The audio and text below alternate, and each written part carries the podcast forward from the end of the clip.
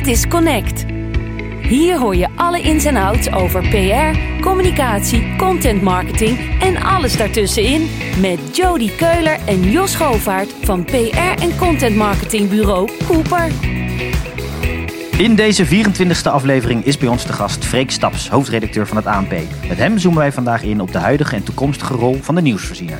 Vanuit de studio van Cooper, mijn naam is Jody Keuler en welkom bij Connect. En links van mij is weer aangeschoven de man die het podium voor het eerst heeft betreden tijdens een ANP-event, Jos Govaert. Ja, jongens, zonder dat moment hadden we nu helemaal geen business gehad. Hey, kan je dat nog herinneren? Ja, ja, ja, ja. Dat, is, uh, dat weten sommige mensen niet. Maar de mensen die ons wat beter kennen, zouden zeggen dat uh, Jody de extraverte figuur van ons twee is. het ging op een dag ging de, ging de telefoon toen we nog bij Bel zaten, maar wel met Cooper begonnen ja? waren volgens ja? mij. En het was een event dat ging over PR 2.0, slash social media, weet ik veel wat. En uh, of wij voor een mannetje of 80, 120, ik weet niet meer precies. Ja. Of we uh, een publiek wilden toespreken. Want ze hadden een, een sessie met een panel en nog zo wat. En wie dat wilde doen. Dus ik zei nou, even over nadenken, ik bel zo terug. Dus weet nog wel dat wij een gesprekje erover hadden. Wie gaat dat dan doen? En toen zei ik tegen ja, laat mij maar doen. Ja, het lag voor de hand dat ik het zou doen, hè? Ja, ja, ja. het lag voor de hand. Ik zei, laat mij het maar doen. Dat is goed voor me. En verdomme, daarna heb je nooit meer van het podium afgekregen, zo'n beetje. Nou, in, die, in die jaren. Nee, ik heb, het, ik heb het wel heel vaak gedaan. En, en uh, eigenlijk de afgelopen jaren nauwelijks. Ja. Uh, een paar maanden geleden nog een keer. Dat ging goed, alleen het was bizar hoeveel moeite me dat kostte in voorbereiding. En toen dacht ik van... Nou, volgens mij ben ik ook in andere dingen goed. Dat hoeft niet per se van mij. Ja, heel mooi toch? Heel mooi. Ja, goede herinnering. Hoe gaat het met de reputatie van de journalistiek? Waar zit de ontwikkeling binnen nieuwsredacties? En wat is de toekomstige positie van het ANP in het huidige medialandschap? Dat en zoveel meer bespreken we vandaag met de hoofdredacteur van het Algemeen Nederlands Persbureau, Freek. Welkom. Dankjewel. Goedemiddag. Wat leuk dat je er bent. Nou, we willen ook alles weten over. Wat was dat nou eigenlijk voor event dan? Nu wil ik het ook wel weten. Een ANP-event. Ja, zeker. Ja, van, ja. van toen nog ANP Pers Report moet het geweest zijn. Ja. En, uh, een paar jaar gedaan. Uh, ja, nee, daarna waren het vooral workshops. Dat, dat, heb ik denk ik echt wel, wel, wel 10, 15 keer gedaan. Weet ik niet meer. Ja. Uh, Erika Bronkhorst was daar toen nog de directrice. Ja.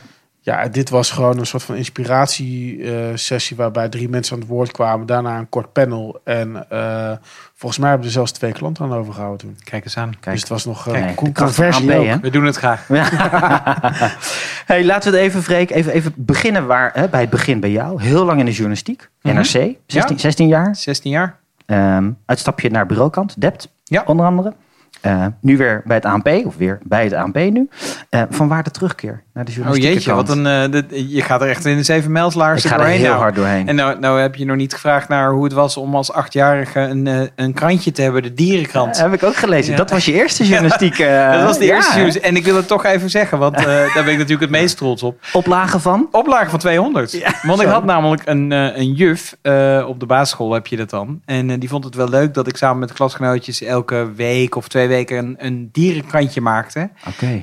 En haar man had een drukkerij, dus die ging dat dan, uh, die ging dat dan drukken. En uh, we hebben nog steeds een appgroepje uh, over de dierenkrant. En um, als je wil weten wie mijn, mijn trouwste metgezel was... die het meeste mopjes instuurde... dat was mijn klasgenootje Alex Klaassen. Kijk. De, uh, de, de, man van het theater. Dus ja. Alex en ik doen allebei precies wat we, wat we als achtjarige ook Wat al deden. Dus hartstikke leuk. Het heeft op jonge leeftijd al ingezeten. Precies, ja, ja. Of het was gewoon mazzel. Ja. Oh. Maar je, goed, jouw vraag was uh, waarom, uh, waarom terug in de journalistiek? Uh, toch? Ja, nou ja, zeker. Ja, ja, ja voor zover je weg geweest bent. Nou ja, misschien een vraag. Maar... Nou ja, dat is, ja. dat is eigenlijk het, het echt interessant. Omdat het, het, de, de, de, verschillende um, werkgebieden lopen allemaal heel Ja. erg door elkaar heen tegenwoordig. Ja. Um, in ieder geval had ik 16 jaar bij, bij NRC gewerkt en heb ik echt fantastische dingen gedaan. Ik ben correspondent in New York geweest, uh, uh, dik vijf jaar. Ik ben uh, vier keer chef of plaatsvervangend chef van zo'n redactie geweest van Ja. 10, 20, 25 mensen. Um, en dat was echt allemaal geweldig. Uh, dat is heel bijzonder. Maar ik wilde na al die jaren, ook met mijn klapblokje, wat de mensen niet kunnen zien, maar ik heb nog Ja, steeds het ligt een, op tafel. heel fijn Ja, klapblokje voor de luisteraars. uh, Ja. Voor mijn neus liggen. Uh, maar met dat klapblokje wilde ik ook meer, uh, meer ondernemen. Ja. En uh, ondernemen in de journalistiek, ondernemen in de, in de, in de creatieve wereld. Ehm, en, daar, ehm, en daarvoor is, eh, eh, ehm, is content marketing heel interessant. Daarvoor is, is creatief schrijven heel interessant. Daarvoor is eh, mensen, journalisten aan het werk helpen heel interessant. En dan na een jaar of twee, drie dat gedaan te hebben, eh, kwam het ANP eh, voorbij. En die hadden een, een, een offer I couldn't refuse. Namelijk Ja. wil je hoofdredacteur worden van eh, het grootste en bekendste persbureau van Nederland. Ja. Wat al 85 jaar bestaat. En alle Nederlandse media werken met ons. Hoe, kwamen ze op je, op je pad? Ben je geheadhunt? Hoe is dat? Via Nou, via? Hoe? Ja, je weet hoe dat... Althans, ik weet niet Klein je wereldje, dat maar- soort gesprekken gaan. Ja, het is een klein wereldje. Ja. Eh, en en eh, eh, iemand laat eens wat vallen. En, eh, en, eh, en dan, eh, ja, Ja. dan zeg je de eerste keer van... ik weet het niet. En de tweede keer zeg je... Hmm. En de derde keer zeg je... het begint interessant te klinken. En de vierde keer denk je... oh, wauw, dit is echt Ja. een fantastische organisatie. Heeft het een bepaald gewicht? Die, die rol, hoofdredacteur ANP, zoals zeg maar de bondscoach Oranje, heeft, heeft dit ook wel... Dat, is een heel ander niveau, geloof ik. Nee. Ja, dat, dat, ik weet niet of je dat aan mij moet vragen, want dan Ja. wordt het een beetje een rare vraag. Van, Maar zou je dat aan de journalistiek vragen? Denken mensen daar dan hetzelfde over? Heeft dat toch... Nou ja, binnen. eh, kijk, wat je moet weten, journalisten, eh, dat is een echt fantastisch volkje. Jullie kennen ze ook een beetje. Ja. Eh, en de luisteraars kennen ze, kennen ze Vast zeker zeker helemaal. ja. Dus het zijn, als ik zeg een fantastisch volkje, dan weet iedereen precies wat ik bedoel. Namelijk dat het eigen gereide mensen zijn Ja. met een, met een sterk besef van wat er in de wereld om, om, om je heen gebeurt. Dat is ook het, het leuke daaraan. Dus journalisten zijn niet van huis uit de meest hiërarchisch ingestelde, ingestelde mensen. Ja. Journalisten moeten namelijk, eh, eh, moeten namelijk eh, kritische vragen kunnen stellen. En moeten Ja. kunnen zeggen, hé, hey, wat gebeurt er daar? Eh, dus ik hoop dat ze ook kritisch naar mij kijken. Eh, ik hoop ook dat ze, dat ze wel denken, nou, eh Freek weet wel ongeveer waar hij het over heeft. Dus laten we, laten we eens kijken of dit goed werkt. Eh, En waarom hebben ze jou aangesteld? In de zin van, wa- wat is je opdracht en waarom pas jij, pas jij daar goed bij? Nou, ik, ik denk precies eigenlijk de combinatie van wat jullie net ook al aangeven. Van enerzijds eh, journalistiek. Mhm. Eh, en daar heb ik, daar heb ik wat dingen in gedaan, Ja. laat, ik, het- laat ik het zo zeggen. En anderzijds snap ik wel hoe je onderneemt met een, eh, met een journalistiek bedrijf. En je moet weten, de ANP bestaat dus al bijna 85 jaar deze Ja. december. Dus het is Ja. van 1939. Toen, eh, eh, toen is het eh, opgericht. Of, sorry, 1934 moet ik zeggen. Sorry. Ja. Ehm, en we hebben heel lang hetzelfde heel goed gedaan.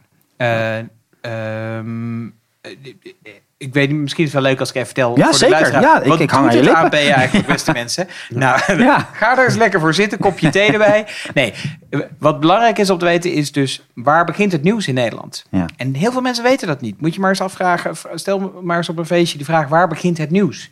En eh, ja, het ontstaat gewoon. Maar Ja. het ontstaat op een bepaalde plek... en het ANP is daar altijd bij. Eh, het nieuws in Nederland begint gewoon heel vaak eh, dat wij het zien. Dat wij het opmerken. Dat wij eh, de politiehelikopters eh, vaker zien vliegen. Dat we doorhebben dat er, dat er iets gebeurt. Dat er iets met het weer is. Dat er een belangrijk debat is. Eh, al die media samen hebben geen mensen, nooit, of wilden ze al niet, zeg maar 85 jaar geleden, Ja. om naar elk nieuwsfeitje hun eigen mensen te sturen. Dus toen hebben ze gezegd, dit kunnen we ook samen doen. Een schaalvoordeel creëren. Dus we kunnen samen eh, eh, mensen zoeken die daarheen gaan, zodat we dat allemaal kunnen gebruiken, zodat dat niet met elkaar botst. Ja. Nou, dat is En, gaat het dan met name om de start van het nieuws? Gewoon het allereerste moment dat iets, iets aan de hand is. Is dat de, de, de eh, belangrijkste Dat is, het, dat is het allerbelangrijkste. Dus wat wij, wat wij niet doen, is eh, onderzoeksjournalistiek. Zeg maar dingen Ja. eh, heel lang uitzoeken. Ja. We doen niet hele spannende interviews eh, met, eh, met ministers. Eh, we spreken ministers wel, maar dan alleen maar voor het nieuws. Ja. En wat we wel doen, is we maken 250 nieuwsberichten per dag. We maken 60 radio nieuwsbulletins per dag. Op bijna elke zender die je hoort, is het, A- is het nieuws van Ja. het. Ik Ja. zag die hokjes eh, bij jullie. Ja, eh, en we maken ehm, eh, meer dan eh 1500 foto's per dag. Dus het begint allemaal ergens. Alle mediabedrijven maken daar gebruik van. Ook Ja. van onze agenda. Daar zijn ze heel blij mee. Want een agenda maken vinden ze zelf helemaal niet leuk. Dus dit, dit kopen ze bij ons in. Eh, zeg maar een soort Netflix-model. Namelijk ze pakken eruit waar ze wat aan hebben. En daarmee eh, gaan ze zelf verder. Ja. Hey, je bent nu een paar maanden aan de, aan de slag. Wat, wat, heb je, wat, wat heb je zoal gezien? Wat heb je gedaan? Je hebt natuurlijk een beeld als je begint. Wat, Ja. wat Ja. je net vertelt, Ja. dat wist je al wel, neem ik aan. Ik bedoel, die, die rol van het ANP, wat het doet, Mhm. dat wist je al wel. Maar is je iets in het bijzonder opgevallen?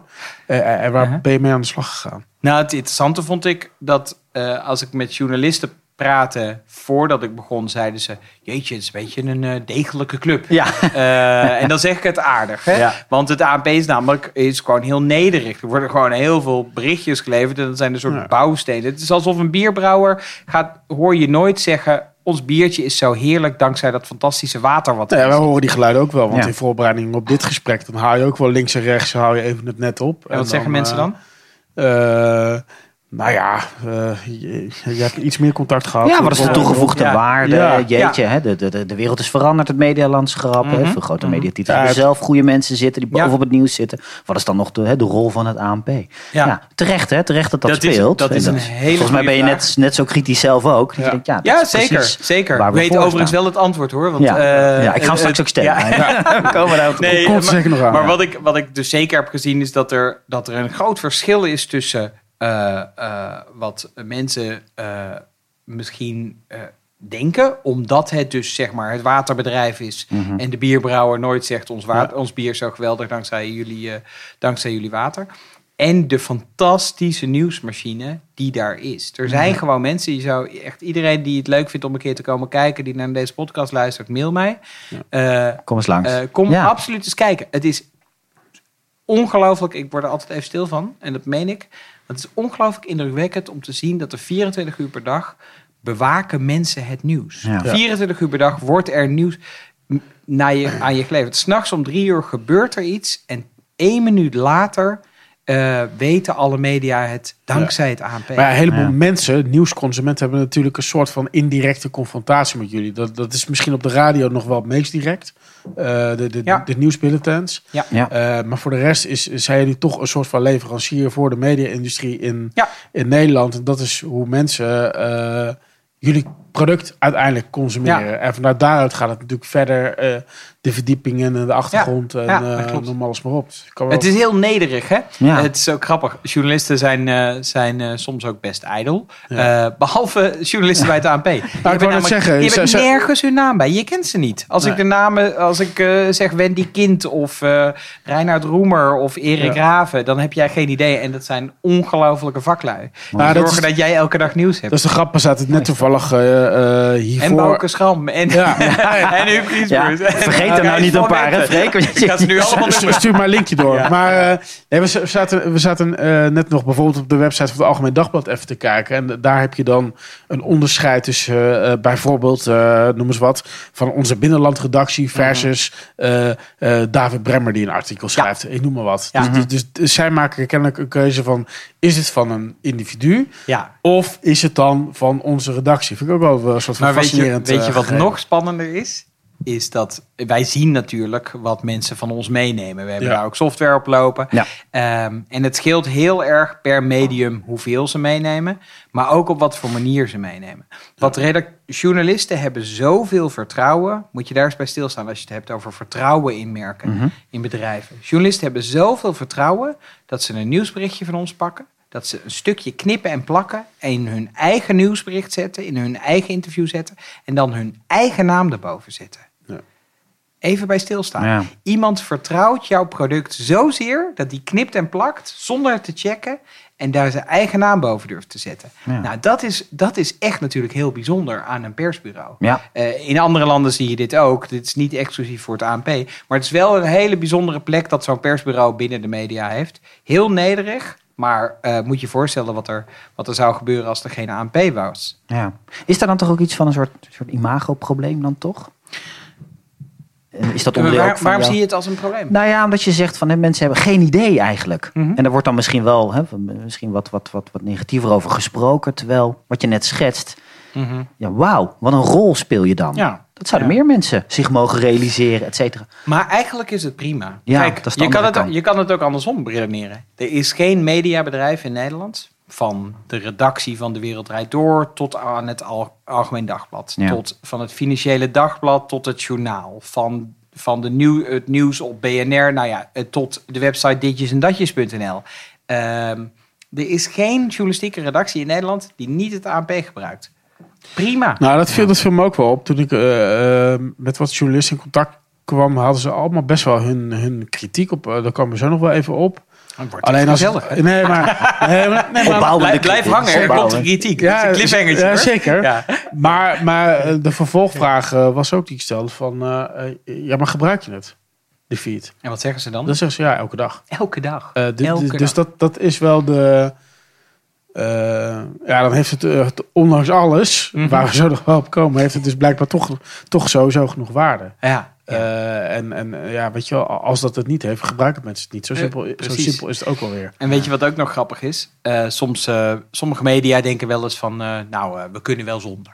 Het, ze moeten er namelijk ook gewoon voor betalen. Ja, Net zoals ja. je soms wel eens denkt, ik kan ook wel zonder Netflix ergens meer op tv. Kan. Kan. Moet je je voorstellen wat er gebeurt als het ANP morgen niet zou, vanavond niet meer zou bestaan. Dan morgenochtend zijn krantenkolommen leeg. Weten mensen niet meer welke evenementen er zijn. Komen er geen berichten over ontwikkelend nieuws. En dan gaan het allereerste wat er dan morgenochtend, welke dag je dit dan ook hoort, wat er morgenochtend gaat gebeuren, is hoofdredacteuren gaan elkaar bellen. En die gaan zeggen: hey, op dat generieke nieuws, daar heb ik geen mensen voor. Ik wil mijn mensen inzetten voor onderscheidende verhalen, voor reportages, Ja, ja, ja. voor de deur uit, voor mijn camerateams. Kunnen we dit niet organiseren? En weet je wat ze dan organiseren? Een persdienst. Een persverhaal. Ja, natuurlijk. Ja. Ben jij nieuwsjunkie? Oh, totaal. Ja.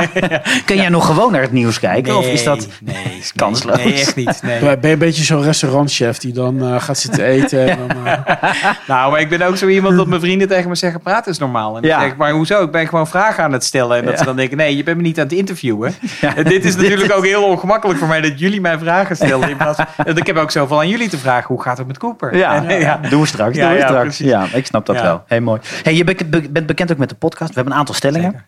Ik ga hem gewoon aan je voorleggen. Graag van jouw kant een eens of een oneens. En ik wilde je net een heads-up geven. Jij zei, nee, hou de Ik verrassing maar in de... weten. Doen we het gewoon Ja. zo.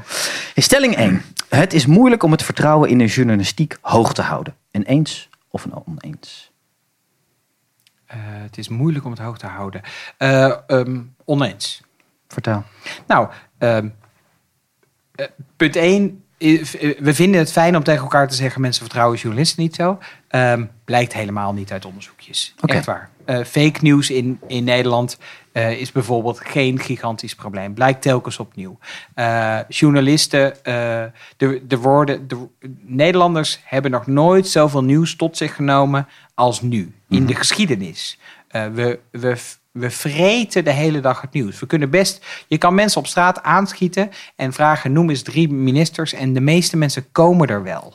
Ehm, noem eens eh, één nieuws. Is dat knap in vergelijking met andere landen of Dat zo? is heel knap. We, Ja. hebben, we lezen in Nederland ongelooflijk veel. Het, het feit dat we zoveel kranten hebben. Het feit dat we zoveel nieuwswebsites hebben. Ja. We kunnen zo wel tien, tien geweldige kwalitatieve nieuws, eh, nieuwsmedia noemen.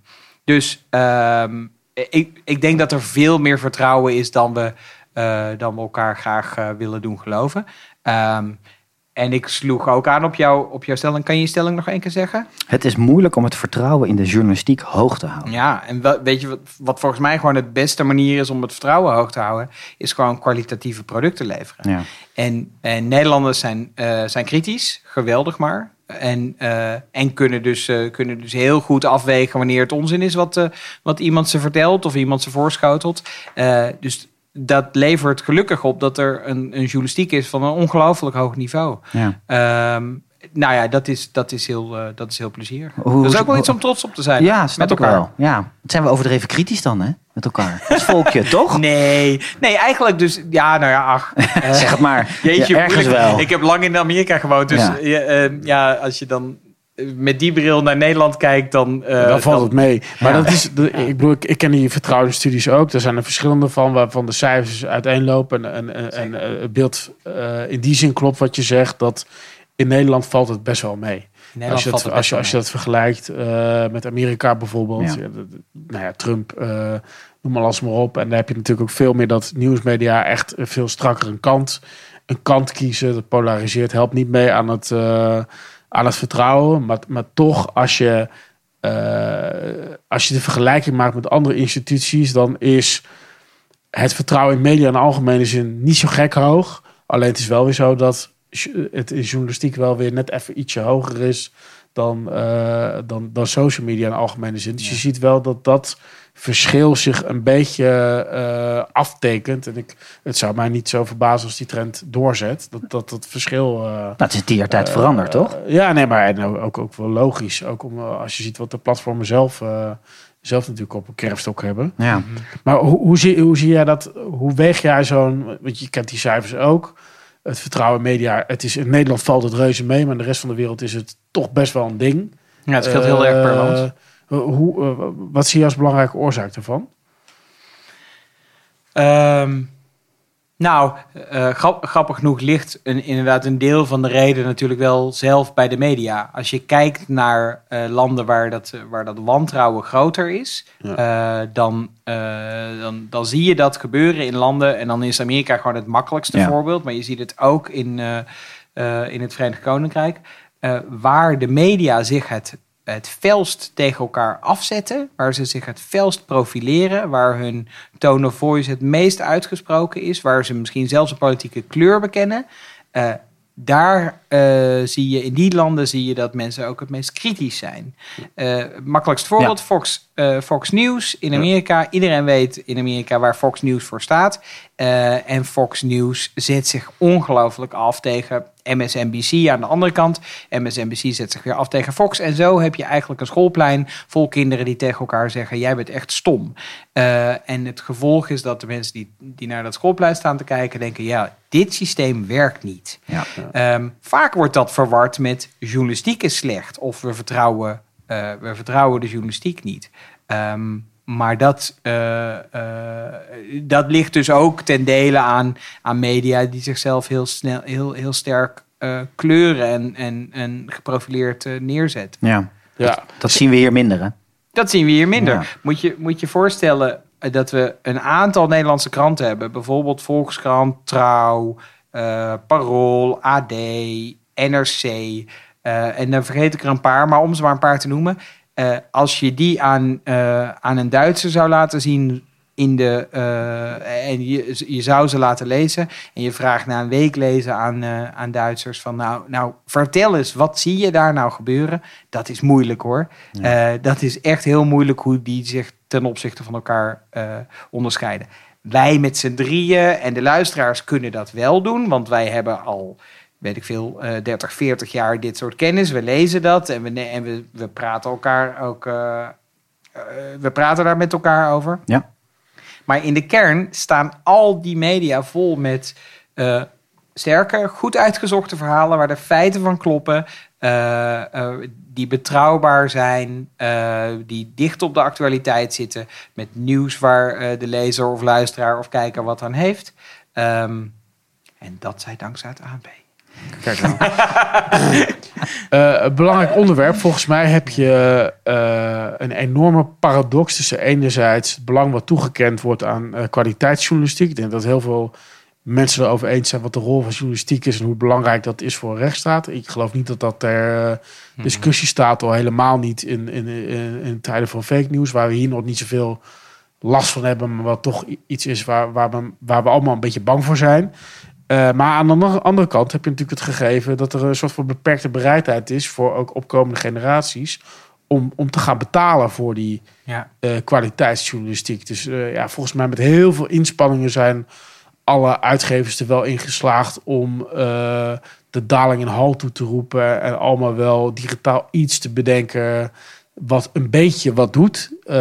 Binnen, de, binnen de marge nou ja, gaat het Mhm. niet, niet zo slecht. Maar weet je, overal ja, eh, dalen, ja, wordt het inkomstenpatroon voor die uitgeverij natuurlijk niet beter. Terwijl we allemaal meer willen. En we willen het beter, we Ja. zijn kritischer. Ja. Hoe, hoe los je dat op? En al helemaal in een, in een land als Nederland. We zijn natuurlijk klein, de schaal is moeilijk. Eh, best wel een probleem volgens mij. Ja, in een, eh, in een andere podcast die jullie maakten met, eh met Connie Spijkstra. Als, als je die niet geluisterd hebt, moet je die ook zeker eens luisteren. Ja. Maar met Connie Spijkstra vroegen jullie volgens mij... eh, bestaan alle kranten die we nu hebben over tien jaar nog? Mhm. Ja. Ik weet niet of ik de vraag precies... Ja, eh, die zat er zeker goed in. herinnerd eh, heb. Weten jullie haar antwoord nog? Ik denk dat ze geen titel genoemd heeft, Mhm. maar dacht dat de conclusie voor de luisteraar zou zijn AD of Telegraaf.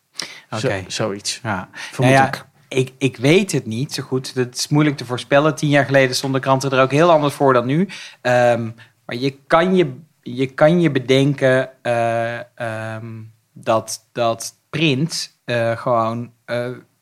eh, dat die daling doorzet. Ja. Ik zie eigenlijk geen reden om te bedenken dat, dat, eh, dat we opeens massaal allemaal papier gaan lezen in de trein. Ja. Weet je nog, er waren gratis kranten ooit in de trein. De Ja. trein- Zeker, ja. treinen klagen om, omdat ze zo vol lagen met oud papier. Ja. Maar er zijn natuurlijk massas mensen geweest. Eh neem mijn ouders, die zijn natuurlijk gewend geweest om jarenlang voor een, een, een, een geprint nieuwsproduct Ja. geld te betalen. Ja. En als je nu hetzelfde, eh, als je dezelfde hoeveelheid geld zou moeten betalen voor een digitaal product, Ja. dan vinden we dat allemaal te duur. Nou, niet allemaal. De- Dat is wel de grap van de afgelopen paar jaar. We hebben wel geleerd dat kwaliteit geld kost. Ja. We betalen... Een paar jaar geleden zeiden kranten nog tegen elkaar... hoe komt het dat mensen massaal voor Spotify en Netflix- betalen?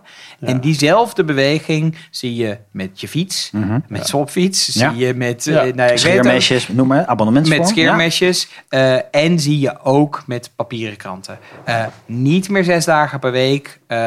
dat soort lezers lezen. Nee, ik heb zelf drie. En als ik dat haal, ben ik al heel gelukkig. Om, om ze eh, te lezen of om ze... Ja, om ze te lezen. Ja, Mag ik vragen welke? Volkskrant thuis. Donderdag, vrijdag, zaterdag. Op donderdag, vrijdag, zaterdag. Neem ook een abonnement op NRC. Mijn, mijn, vrouw, mijn vrouw is daar vormgever, dus mijn kinderen, mijn kinderen hebben dat nodig voor de toekomst. Maar, maar het feit dat jij eh, een papieren krant hebt, drie dagen per week, en dat dat voor jou werkt. Misschien lees je alleen maar de zaterdag, prima. Maar ergens in jouw week zit een, zit een moment van een papieren krant lezen. En die functie is helemaal al- veranderd. Ja, dat heeft niks met nieuws te maken. heeft helemaal niks met, met nieuws te maken. Vroeger Nee. was dat omdat dat het moment was om de, om de klok stil te zetten en om te vertellen wat het nieuws is. Vroeger hadden we een informatiebehoefte.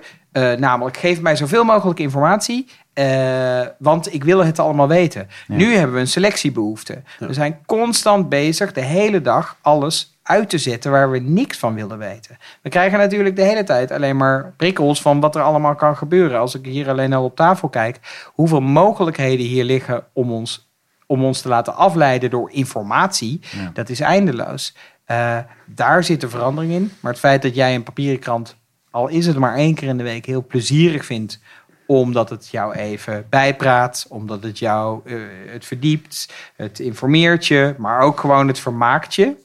Niet vergeten, journalistiek is voor sommige mensen ook gewoon vermaak. Eh, of eh, een halve minuut tijd, tijd killen op het, op het perron voordat die trein binnenkomt. Ehm, daar zie je wel hoopvolle veranderingen. Ehm, mensen willen wel betalen voor kwaliteit. Mensen willen betalen voor een merk waar ze bij willen horen. En waarom kan een, kan een krant of een tv-programma niet ook een plek zijn waar je bij wil horen? Ja. Maar, maar zijn er genoeg mensen die ervoor willen betalen? Ik, ik begrijp Ah, de Er duizend dollar vraag. Ja, da- daar twijfel Ja. ik wel aan. Eh, en ik, ik geloof dat als je een grotere schaal zou hebben, dat dat Mhm. allemaal wel te doen is. Ja. Eh, ik, ik kan me Ja. haast niet voorstellen dat er voor iedereen plek blijft. Nee, ik ook niet. Ehm, ik kan me niet voorstellen, maar tien jaar geleden kon ik me ook niet voorstellen eh, dat eh, dertigers nu eh, flink aan het betalen waren. Hoogopgeleide dertigers eh, betalen voor nieuws kon ik tien jaar geleden, toen we allemaal zeiden informatie of information must be free, Ja. gilden we op straat tegen elkaar. Kon het ons niet besef begint wel te groeien dat Dus- dat, dat eh, Dus betaald ik ben, moet wel, worden. ik ben wel hoopvol. En eh, wat je ook echt ziet is dat mediabedrijven eh, voelen dit en hebben echt flinke stappen genomen. Ehm, dus ik zie wel hoop. Ik heb daar wel hoop. Ehm, wel zit, is Nederland wel heel vol. We hebben echt heel veel mediamerken. Ja. Ehm, Veel spelers in de markt. we hebben veel Ja. spelers in de markt. Ja. Ehm, ehm, Moet daar wat gebeuren? nou, eh, dat mag de markt bepalen. Oké. Zo hard is het dan ook? Nou ja, ja, eh, Of realistisch? Ja, ja, realistisch. En de markt zal dat bepalen. Ja. Eh, Maar we hebben dat ook nodig. Willen we de funding voor de kwaliteitsjournalistiek? Ja, maar Maar je kan je heel goed bedenken waarom gaan twee kranten niet. En nu, nu zijn we aan, het- aan het speculeren. Hè? Want, eh, eh, maar waarom gaan, gaan er niet meer kranten samen? De Ja. afgelopen paar jaar heb je veel regiokranten gezien die samengegaan zijn met het Algemeen Dagblad. Ja. Eh, daar is een heel sterke speler uitgekomen. Waarom Ja. zou dat op andere terreinen ook niet kunnen? Ja, dat is waar. Dat is waar. Hey, ik, ik, ik las ergens, ehm, ANP is het fundament onder de Nederlandse journalistiek. Wie zou dat nou gezegd hebben? Dat heb jij zelf gezegd. Ehm, en en waar zit dat dan precies in? Kan je dat in een paar woorden vangen dat je zegt, ja, maar dat, Mhm. ook wel die criticasters die wij hebben uitgevraagd, jongens, maar daar zit het hem toch echt in? Ja, eh, ik zit even te bedenken waar, waar je het beste kan beginnen met dat antwoord. Maar het zit hem erin dat. ehm, eigenlijk is het, met, is het, het het beste uit te leggen door het de andere kant op te bekijken. Mhm. Bedenk je een, een Nederlandse media zonder eh, agenda die, die het ANP maakt. Zonder dat redacties weten wat er speelt. Ja. Zonder dat je weet dat Wilders morgen naar een asielzoekerscentrum gaat. Dat er een debat is in de Tweede Kamer. Dat Ajax eh, tegen Feyenoord speelt. Zonder dat je dat allemaal weet. Hè? Gewoon hele basic dingen. Een nieuwe burgemeester in Zoetermeer. Ik zeg maar wat. Ja. Stel dat je dat allemaal niet weet. Wat gebeurt er dan met de journalistiek? Stel dat je niet weet, eh we hebben hier uitzicht op de Euromast. Ja. Stel dat, eh, dat er, eh, jullie zien hem beter dan ik, maar stel dat je daar zo meteen vlammen uit de Euromast ziet, ziet komen. Stel dat niemand dat weet, behalve wij, omdat wij dat toevallig kunnen zien. Ehm, dan stopt het. Bij Ja. het parool in Amsterdam kunnen ze dit niet zien. Hij, hij staat er nog trouwens. Hij is- Even mensen mensen Ja. maak je geen zorgen, Ja. maar ook eh, Ja. het ANP is erbij. En- en- nee, dus, Is dus- dat ook niet te organiseren dan? Hè, Zo'n zo'n zo'n zo'n agenda bijvoorbeeld. Is dat Zeker. dan zo lastig voor een andere eh, partij helemaal- om dat naar binnen te halen? Nee, is helemaal niet lastig. Maar hoeveel slimmer is het om hem in te kopen als iemand anders het doet Ja. en het voor veel minder geld kan doen, omdat iedereen een klein beetje meebetaalt? Ja. Ja. Dat is waar. Overtuig ik je nou? Ja. Nee, ja, dat, dat, nou ja, het is wel leuk om, te, om, om, om daarover... Om te er is natuurlijk zo'n beweging gaande. Mhm. Om te denken inderdaad van waar zit dan, waar, waar zit dan precies... Hè, de- de- als je, eh, zeker als je zo'n uitspraak doet over het fundament. Ja, waar zit dat dan in? Accuraatheid, objectiviteit, Ja, bet- snelheid, betrouwbaarheid, kwaliteit Dit, uiteindelijk. dit, dus dit. het is een soort basisingrediënt wat je aanreikt... Ja. waarin Ja. de media vervolgens ehm, ja, kwaliteit aan toe kan voegen. Maar het is al van zo'n hoog niveau. Maar misschien heeft de kritiek die, die je leest ook wel een beetje, een beetje met de aard van de journalist te maken. Ik bedoel, wij, wij zijn natuurlijk ook heel vaak in, eh, met journalisten in, eh, in contact. En we zijn meer dan eens ook een betrouwbare bron van informatie. Mhm. Maar, maar denk maar niet dat, ze, dat die journalist zin heeft om dat te onthullen. Ik bedoel, die, die wil natuurlijk zelf, eh, eh, zelf het verhaal uitgevonden hebben. En ik kan me niet aan de indruk onttrekken dat het hierbij ook een beetje is. Ik bedoel, er is niemand die in het openbaar gaat zeggen van... nou, ik, ik, ik interviewde Wilders bij het asielzoekerscentrum... want dat heeft het ANP mij verteld. Ik bedoel, dat, dat, Nee, die, zin is nog nooit Nee. uitgesproken. Dankbare maar de- rol. dat gebeurt Nee, nee, nee, dat is juist prima. eh, en, Hij- eh, maar Ja. daarom pellen we het nu even af. Van, Ja. van wat is het wel en wat is het niet. En, eh, En, Ja. het, en het, maar volgens mij maak je een heel goed punt daar. Het, het, is, ehm, het is een bouwsteen. Ja. Ehm, en voor, eh, het verschilt ook heel erg hè, hoe verschillende media daarmee omgaan. Eh, bijvoorbeeld een krant als NRC, die ik natuurlijk eh, wat beter ken, he- zet veel minder in op snel, kort, simpel nieuws dan bijvoorbeeld, ehm, ehm, eh, noem, het, noem het AD. Ja. Daar zie je een verschil. Dus het NRC gebruikt het AP misschien veel meer als inspiratie. Ja. Zij zien dan, dus we hebben eindeloze nieuwsfeeds lopen. Dus er lopen gewoon eindeloos veel berichten, eh, 250 berichten per dag door je scherm heen. Een redacteur bij, bij, het eh, bij NRC ziet misschien, hey, ik zie nu al vijf keer dit langskomen deze week. Misschien is dit een verhaal waar ik zelf in wil duiken. Ook prima. Ja. We zijn een bouwsteen. Ja. En, en eh, gebruik, gebruik het ANP maar zoals je wil. ja. Mooi. Wij, wij, wij lazen in jouw aanstellingsbericht, eh, wat, her en der verscheen, dat je ook op Harvard onderzoek eh, hebt gedaan naar innovaties op nieuwsredacties. Alleen daar stond helemaal niks bij, dus we waren wel nieuwsgierig van, eh, ja, wat, wat heb je daar ontdekt? Wat, Oh ja. wat was daar interessant? Oh, ik, ben, ik, ben, ik ben stiekem wel blij dat je dat, niet, dat, dat onderzoek niet gevonden hebt. Dat, eh, dat kan, je, kan je vinden. Oké, nu gaan we zoeken. Ja. Ja, ja. Linkje in de show notes. Ja, ja exact. Ehm, ik, heb de, ik, ik heb daar eh, onderzoek mogen doen naar hoe klassieke eh mediaredacties, in, in dat geval eigenlijk krantenredacties, hoe die innoveren. Eh, want eigenlijk het punt wat jullie de afgelopen tien minuten maken is natuurlijk wel ongelooflijk spannend. Namelijk, er is een, een bedrijf en iedereen in, in welke sector je dan ook werkt, kan, kan kijken wat hij daarvan herkent. Ja. Er is een bedrijf met een standaard product en dat standaard product dat doet het best goed. En daar houden we allemaal van. In dit geval toevallig papier. Ja. Eh, maar daar houden we van. Maar we zien ook wel dat de markt aan het veranderen is. Ja. Moet je je voorstellen op hoeveel bedrijven dit slaat. Mhm. We zien dat de markt aan het veranderen is. We vinden data een beetje eng. Want we weten namelijk echt wel wat best is voor onze, voor onze, eh, voor onze afnemer of Ja. onze klant. Ehm, en dat is een situatie die je, eh, die je bij, eh bij mediaredacties de afgelopen tien jaar heel veel zag. Namelijk een fantastisch product van een hoge kwaliteit. En stiekem zie je dat klanten aan het veranderen zijn. Omdat ze namelijk niet meer op papier kijken, maar op hun mobieltje de hele dag. Eh, en dat, dat heb ik onderzocht van hoe organiseer je dat dan? Hoe organiseer je die disruptie en die transformatie en dat soort termen kan je dan allemaal gaan noemen. Ja. Eh, maar Maar dat daar iets uit? Iets van een hoofdconclusie? Of is het... Nou ja, zeker. Wat, wat, wat, wat, je vaak ziet, ik, ben, ik vind daarom altijd heel erg interessant met mensen te praten die in hun eigen industrie eh, iets disruptiefs doen. Wat je heel vaak ziet, is dat vernieuwing vaak stuk loopt, omdat de leiders, wie dat dan ook zijn, het Mhm. middelmanagement, het hogere management, omdat ze eh, uit een eigen- eigenlijk eh, niet uit die vernieuwende traditie komen. Dus je kan je voorstellen, ik hou het nu even bij, bij mediabedrijven Ja? als de hoofdredactie en alle chefs heel erg van papier houden, carrière hebben gemaakt in papier, heel goed pagina's kunnen maken. Als je dat dan de mensen laat zijn waarvan je zegt: Oké, we gaan nu met z'n allen online iets doen. De digitale transformatie Exact. start vandaag. Start Ja. vandaag. Ja. En, en dan kijkt de rest van het bedrijf natuurlijk: eh, Ja, maar wat. Hoezo? Ja. En eh, meen je dit wel? En jij hield toch zo van papier? En daarom werk ik hier ook, want ik hou ook van papier. En dat is natuurlijk wel heel spannend. Dus je ziet heel veel disruptie, ondanks alle goede bedoelingen, ondanks alle sprints en scrum-trajecten en scrum masters en zo. Van- ja, ik bedoel, we zitten er allemaal middenin, maar het gaat vaak stuk omdat je ook leiders nodig Ja. hebt die, eh, die dit zo durven uit te dragen. Die ook wel zo durven zeggen van, nou ja, sorry, eh, we moeten over tien jaar een ander bedrijf zijn. Ehm, want eh, anders zijn wij hier aan tafel de enige mensen nog met product X of Y. Ja. Wat dat product dan ook is. Ehm, daar, daar gebeurt veel Ja. Moet, moet die generatie dan doorgeselecteerd worden, als het ware? Wat bedoel je daarmee? Verjongen?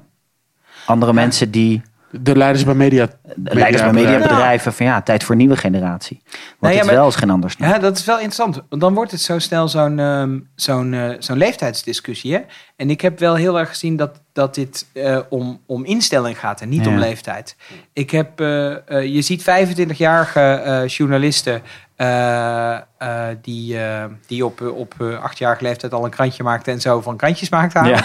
En je ziet eh 63-jarige mensen die stiekem al aan hun pensioen eh, aan het denken zijn. Maar die zeggen, we gaan echt nog eens even mezelf opnieuw Ja. uitvinden. Ja. Dus volgens mij Tuurlijk, is het geen... staat daar los van. Ja, Tuurlijk, het is maar geen, ja. geen generatieding. Het is wel een... Het is een DNA-ding waarschijnlijk Ja. meer. Ja. Je moet het wel voelen. Eh, maar, maar je hebt hem wel een beetje een aanvallende leider nodig. Eh, los van leeftijd, maar gewoon iemand die zegt van ja, oké, we kunnen doorgaan op de voet eh, waar we op zaten. Maar we weten dat de wereld gaat veranderen. En ik omarm ook dat ik het niet precies weet. Maar we gaan. We gaan Mhm. experimenteren, we gaan proberen. Waarschijnlijk de helft van wat we doen mislukt. Maar Ja. we houden vol, want we leren steeds meer. Weet je, je hebt wel zo'n soort cultuur eh, gedragen door iemand die, de- die voor de troepen staat. Ja. En eh, die niet gelijk de ho- het hoofd eraf hakt als er een keer iets niet lukt. ja. Ja, die heb je, die heb je wel nodig, lijkt me. Anders Ik- wordt het niks. Ik heb een tijd lang een hoofdredacteur gehad die je misschien van de Wereldrijd Door kent. Mhm. Eh, een, eh, een, eh, een Belgische meneer. Ja. En, ehm, en Peter van der Meers. Ja. Eh, en die had daar best een mooie uitspraak over. En die zei, eh, hij houdt toevallig van, eh, van wielrennen. Eh, en hij zegt, luister, ik kan op twee manieren van mijn fiets vallen. Ik kan me van mijn fiets vallen doordat ik zo langzaam ga dat ik er gewoon dat ik eraf val. Ja. Eh, of ik kan me van mijn fiets vallen doordat ik eh, de berg af ga en eh, die hoek net iets te scherp wil nemen. Ja. Allebei is natuurlijk niet de bedoeling. Dat zal hij van der Meers ook zeker niet bedoeld hebben dat je van je fiets moet vallen. Maar als je al valt, laat dat dan in ieder geval met de beste intenties zijn. Met de blik naar voren, met, met, met, met een plan en een idee en een visie voor hoe je dit probleem oplost. En Ja. dat vond ik dus best een, een sterke analogie. Mooie, ja. Mooie. Hey, tijd voor de tweede stelling. Oh jee. Ehm, media hebben ANP harder nodig dan ooit. Eens of oneens van jouw kant? Eh, nou, dan ooit, nu gaan we echt, eh, dan, eh, dan moet ik 85 jaar heel snel door mijn hoofd laten gaan. Eh, maar, ehm, oh, ik moet eens zeggen. Media hebben ANP. Nou, wij hebben al geïmproviseerd, want de stelling is ter plekke aangepast. Ja, oh, er oh, anders, te makkelijk was. De het van het gesprek. eh, wat, wat was de stelling eerst dan? Was die, media hebben ANP niet meer nodig. Ik denk, ja, dat heeft geen zin Oh. meer. Nee, daar heb je wel eh, daar heb je goed antwoord op gegeven. Maar is het dan nu zo? Harder dan ooit, jongens. Nou, in deze tijd. wat we- 2020 staat voor de deur. Ja, nou dan ga ik voor ja. En, eh, maar ook met deze redenatie. Mhm. Want eh, eh, dat vind ik namelijk wel heel belangrijk om ook telkens te blijven benadrukken. Dus misschien zeg ik wel het is een fundament of bouwstenen Ja. of het water in dat glas bier. Allemaal goed. Er wordt ongelooflijk veel goede journalistiek gemaakt. Bij, bij, welke, Ja. bij welke media dan ook. Maar wat je ziet is dat redacties kleiner worden. De druk zit erop. Eh, veel meer mensen worden freelancer. Veel mensen gaan zich specialiseren. Wat je ziet als die clubs kleiner worden, dat die journalisten die worden op onderscheidende dingen gezet. Ga Ja. jij eens mooie interviews maken? Ga jij eens eh, fantastische primeurs uitvogelen? Ga jij eens een serie maken over eh, bedrijf X of Y? Ehm, weet je, die mensen gaan zich specialiseren. Ja. Waar als je eh, een mediabedrijf leidt, zeg je tegen jouw mensen die er zijn: zorg dat wij onderscheidend zijn. Mhm. Zorg dat mediaconsumenten weten wat ze aan ons hebben. Zorg dat er hier bijzondere journalistiek is. En wat dan natuurlijk meteen afvalt, is het generieke nieuws. Ja. Dat ga je natuurlijk nooit tegen je mensen zeggen, want dat kan iedereen wel. Nou, voor, voor dat element, daar zit ANP goed voor. Ja. Is, is die persdienst nog de persdienst? Is dat van deze tijd nog? Zeg je, zal dat, is dat tijdloos? Dat is ook wel een vraag die ik heb. Nou ja, ehm, Stel jullie verdwijnen, je gaf net aan, de hoofdredacteur, Ja. we gaan elkaar bellen. De dag en dan is bestaat er een en dan is de, persbureau. Ja, is er, zal er geen ander alternatief denkbaar zijn? Geen enkele... nou, je kan het anders noemen. Je kan dan zeggen, eh, mediabedrijven beginnen samen een eh, nieuwsdienst. Ja. Eh, kom je al heel dicht bij eh, de radio-nieuwsdienst verzorgd Ja. door het ANP. En over twaalf jaar noemen we het gewoon niet. Eh, Ja, nee. Ja. eh, het is namelijk ook zo ontzettend logisch. We hebben een product waarvan heel veel mensen zeggen... veel te duur om zelf te maken. Maar met z'n allen, iedereen betaalt een klein beetje. Dan is het... eh, en dan hebben we er allemaal wat aan. Ja. Kijk, Eh, kijk je naar een andere persdienst, internationaal, waarvan je denkt, verdomme, die doen het zo knap. Nou, ik was heel toevallig gisteren eh, in, eh, in Parijs bij de, bij de Franse Mhm. AFP. Ja. Eh, en ehm, je ziet dat zij tegen dezelfde dingen aanlopen als wij. Zij zijn internationaal ongelooflijk groot. Ja. Zij doen wel dingen heel, heel knap. Wij, wij zijn bijvoorbeeld, we hebben een we hebben een hele mooie agenda in Nederland. Eh, zij hebben een wereldwijde agenda. Eh, dat is wel heel bijzonder. Ja. Zij hebben eh, eh, non-stop live eh, tv-uitzendingen waar hun afnemers gewoon in kunnen prikken en altijd het nieuws hebben van een, van een bepaalde Oh ja, plek in de wereld. Ja. Heel indrukwekkend hoor. Ja. Ja. Hoe, hoe is die internationale samenwerking met, met andere, met, met Reuters en AP en dat soort, dat soort partijen? Want jullie kunnen natuurlijk niet overal zijn. Nee, willen we dus ook niet. Nee. Je, je zal ook je samenwerking opzoeken, neem ik aan. Ja, ANP is gewoon eigenlijk eh, eh, een, eh, een heel fijn eh, MKB-bedrijf Ja. eh, dat zich richt op de Nederlandse markt. Ja. Eh, namelijk de Nederlandstalige content, onze Nederlandstalige stukken, nieuwsberichten, daar heeft niemand wat aan. Fotografie is een ander verhaal natuurlijk, dat kan internationaal heel goed. Ehm, Dat is ook groot nee, hè, bij jullie. ja, dat is geweldig. We hebben 10, 10 miljoen beelden en elke dag komen er 1500 bij. Ehm, nee, dus die, die samenwerking is voor ons heel belangrijk. Dus ons buitenlands nieuws halen we van onze buitenlandse collega's. Eh, daar baseren wij eh, ons ook weer op. We wisselen heel veel verhalen uit. Eh, het Britse Koningshuis gaan wij niet. we gaan zelf geen stukjes over Meghan schrijven. of over Prins Andrew. Daar, daarvoor praten we dan met onze, met onze Britse collega's. En, en kleine, de regionale functie. Volgens mij hebben jullie afvaardiging Amsterdam die bovenop het beur, op de beurs zitten. Jullie Ja. zitten in Den Haag. En, en hoe, hoe zit het met de regio? Ja, we hebben, we hebben dus vier redacties. We hebben een redactie in Amsterdam, wat je al zei. Ja. We hebben een redactie in. eh, we hebben een centrale redactie in Den Haag, maar ook nog een losse redactie in de Tweede Kamer. En Ja. we hebben een redactie in Brussel voor het Nederlandse nieuws in België. De regio eh, is lastiger. Eh, vroeger, zeg ik nu opa verteld, Ja. had, had je dus in elke stad had je iemand die het ANP tipte als er nieuws was. Ehm, eh, vrouw rijdt tegen boom, hoe tragisch ook, dan werd het ANP even gebeld van hé, hey, er is hier iets aan de hand. Dat hoeft nou natuurlijk niet meer. Social media hebben dat voor ons echt wel een stuk makkelijker gemaakt. Ah, Eh. Als er nu iets groots gebeurt, pak een beetje in Deventer of in eh, Noordoost-Groningen of in Sittard, eh, dan weten we dat even snel, soms zelfs sneller dan iemand die toevallig in Sittard woont of in Noordoost-Groningen. Want dan monitor je gewoon online en dan komt dat naar boven. Daar heb je tools voor. Precies, Ja, daar hebben ook tools levert. voor. Ja. En dan kunnen wij natuurlijk net zo snel vanuit de centrale redactie contact opnemen met Noordoost-Groningen eh, om dat te checken. Als er dan daadwerkelijk iemand is, hebben we correspondenten eh, die je daar dan binnen, Ja, binnen een paar minuten hebt. M- Mensen kijken best kritisch naar, naar eh, mediabedrijven die natuurlijk niet louter meer journalistieke bedrijven zijn. Er gebeurt, er gebeurt veel meer. Dat is bij jullie natuurlijk ook zo. Dat is bij DPG zo, dat is bij NRC zo. Eh, ju- weet je, jullie verkopen ook eh, aan bedrijven, jullie verkopen branded content. Hoe, ja, hoe, hoe bewaak je die journalistieke onafhankelijkheid? Want dat roept natuurlijk iedereen. En Ja. toch heeft iedereen er toch wel ja, een bepaald gevoel bij van ja, nou, hmm. Eh, het, het, het zal wel motten om de schoorsteen te laten roken, Mhm. maar het voelt net niet helemaal lekker. En, en leg, leg, leg eens uit wat niet lekker voelt. Nou, het is, het is andersom precies hetzelfde. Kijk, als wij eh, als, als bureau van de commerciële kant, als wij eh, volgens journalistieke principes content gaan maken, en wij noemen dat merkjournalistiek. Dan zijn de journalisten de eerste die in de rij staan om daar commentaar op te leveren. Ja. Want er is iets niet journalistiek aan ons werk. Ja. En dat is dat we geen journalis- journalistieke afzender eh, zijn. Ja. En die kritiek is terecht. Maar andersom ehm, ja, kan je ook afvragen of het, of het creëren van, van bedrijfsmatige content. Of je, of je dan niet andersom precies hetzelfde aan het doen bent. Ja, ik vind het echt. Dit, je weet dat ik dit een heel interessant onderwerp vind. En eh, tot nu toe ben ik het ook helemaal met je eens wat je, wat je zegt.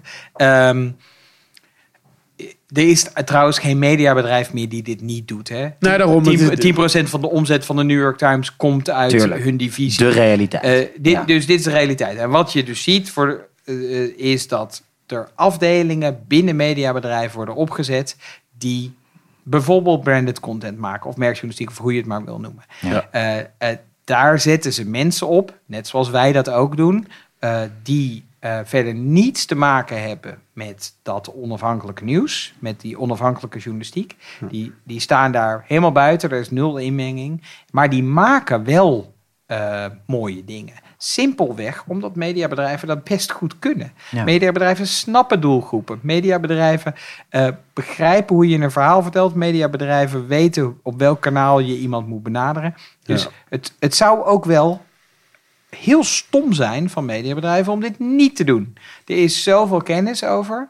eh, en waarom, waarom zou je het niet doen? Dus ANP doet dit ook. Eh, en het is eh, heel simpel georganiseerd, namelijk dat het los is. Ik ga er bijvoorbeeld niet over. Ik wil er niet over gaan, over branded content. Ja. Ik ga namelijk over die betrouwbare, onafhankelijke journalistiek. Ja. Daarover gesproken, eh, dan eh, komt het darkside PR-bureaus, PR-woordvoerders, noem ze allemaal maar op. En dan heb je natuurlijk het bekende fenomeen, eh, het APS'je voor de luisteraar. Dat, is een, eh, ja, dat is een persbericht die bij jullie op de feed eh, meegaat. En eh, daar vindt ergens een selectie plaats. Ik ben echt onder de indruk van eh, hoe goed jullie in de materie zitten. Nou ja, we lopen al even We lopen een tijdje Ja, mee. ja, ja, zeker, En, eh, maar dan vindt er natuurlijk een selectie Ja. plaats. En een gedeelte daarvan wordt ook wel eens op de, op de, de nieuwsfeed... waar journalisten abonnement opnemen, eh, kunnen ze te zien Ja. krijgen. Zeker. Eh, ik deed gisteren een rondvraag op Twitter. Dat is niet representatief. Ik bedoel, Mhm. ik weet niet... Maar wat ik wel een paar keer hoorde van... Ja, weet je, dan zit ik eh, twintig nieuwsberichten te bekijken... en dan zitten zeven APS'jes tussen. Los van of dat waar is, dat is toch een soort van ge- ge- gevoel wat leeft... En, en daar achteraan kwam, ja, maar ik log wel elke keer in. Weet je, dus Ja. dat is, dat is even. Maar het voelt als een soort misbruik maken van die, van die pure navelstreng. Zoals je hem net eigenlijk Ja, mooi formuleerde. ja. Die bouwsteentjes. Ja. Jezus, er komen er weer die betaalde APS'jes tussen Ja. van die PR-bureau. Heb jij daar moeite mee? Heb je wel eens een papieren krant gezien? Of nu.nl? Zeker. Eh, daar staan hele mooie verhalen. Ja. Weet je wat er tussendoor staan? Ja.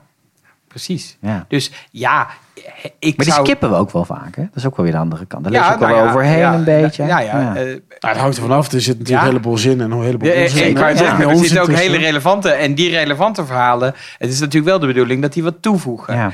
Eh, dus eh, Bewaken jullie dat ook? Zie je wel eens een APS'je voorbij komen dat je denkt, nee, kan echt niet. Zeker, zeker. Er zitten, we- er zitten, er zitten eh, vier of vijf man op die eh, al die berichten. Eh, ook dit valt dus buiten de, buiten de redactie. Ja. Eh, maar ken ze wel. Ja. Eh, en ehm, eh, die zitten die berichten te lezen. Dus, en er zijn natuurlijk hele goede regels voor waaraan ze moeten voldoen. Het moet niet seksueel getint zijn. Het Ja. moet niet racistisch zijn. Het moet niet aanzetten tot haat of geweld. Het moet niet persoonlijk zijn.